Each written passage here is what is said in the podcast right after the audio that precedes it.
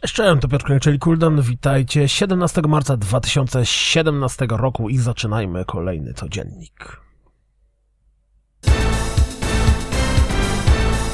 Flatout 4 prezentuje tryb areny Srogo. Pojawił się nowy zwiastun Preya, a wraz z nim notka o zagrożeniu, z jakim przyjdzie nam się zmierzyć.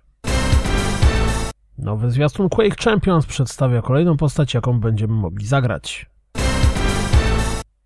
Dragon Quest Heroes 2 w nowym zwiastunie przedstawia nam postać Desdemondy i Cezara. Lubicie nietypowe tytuły? To sprawdźcie zwiastun Anamorphin. Zwiastunem zaprezentowano nową zawartość, która właśnie pojawiła się w Shadow Warrior 2.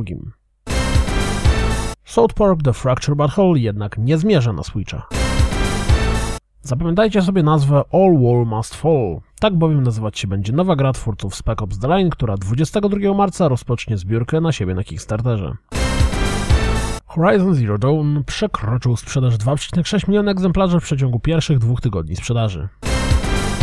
Patrząc po tym dzienniku deweloperskim, to praca nad Shenmue 3 idzie dość powoli.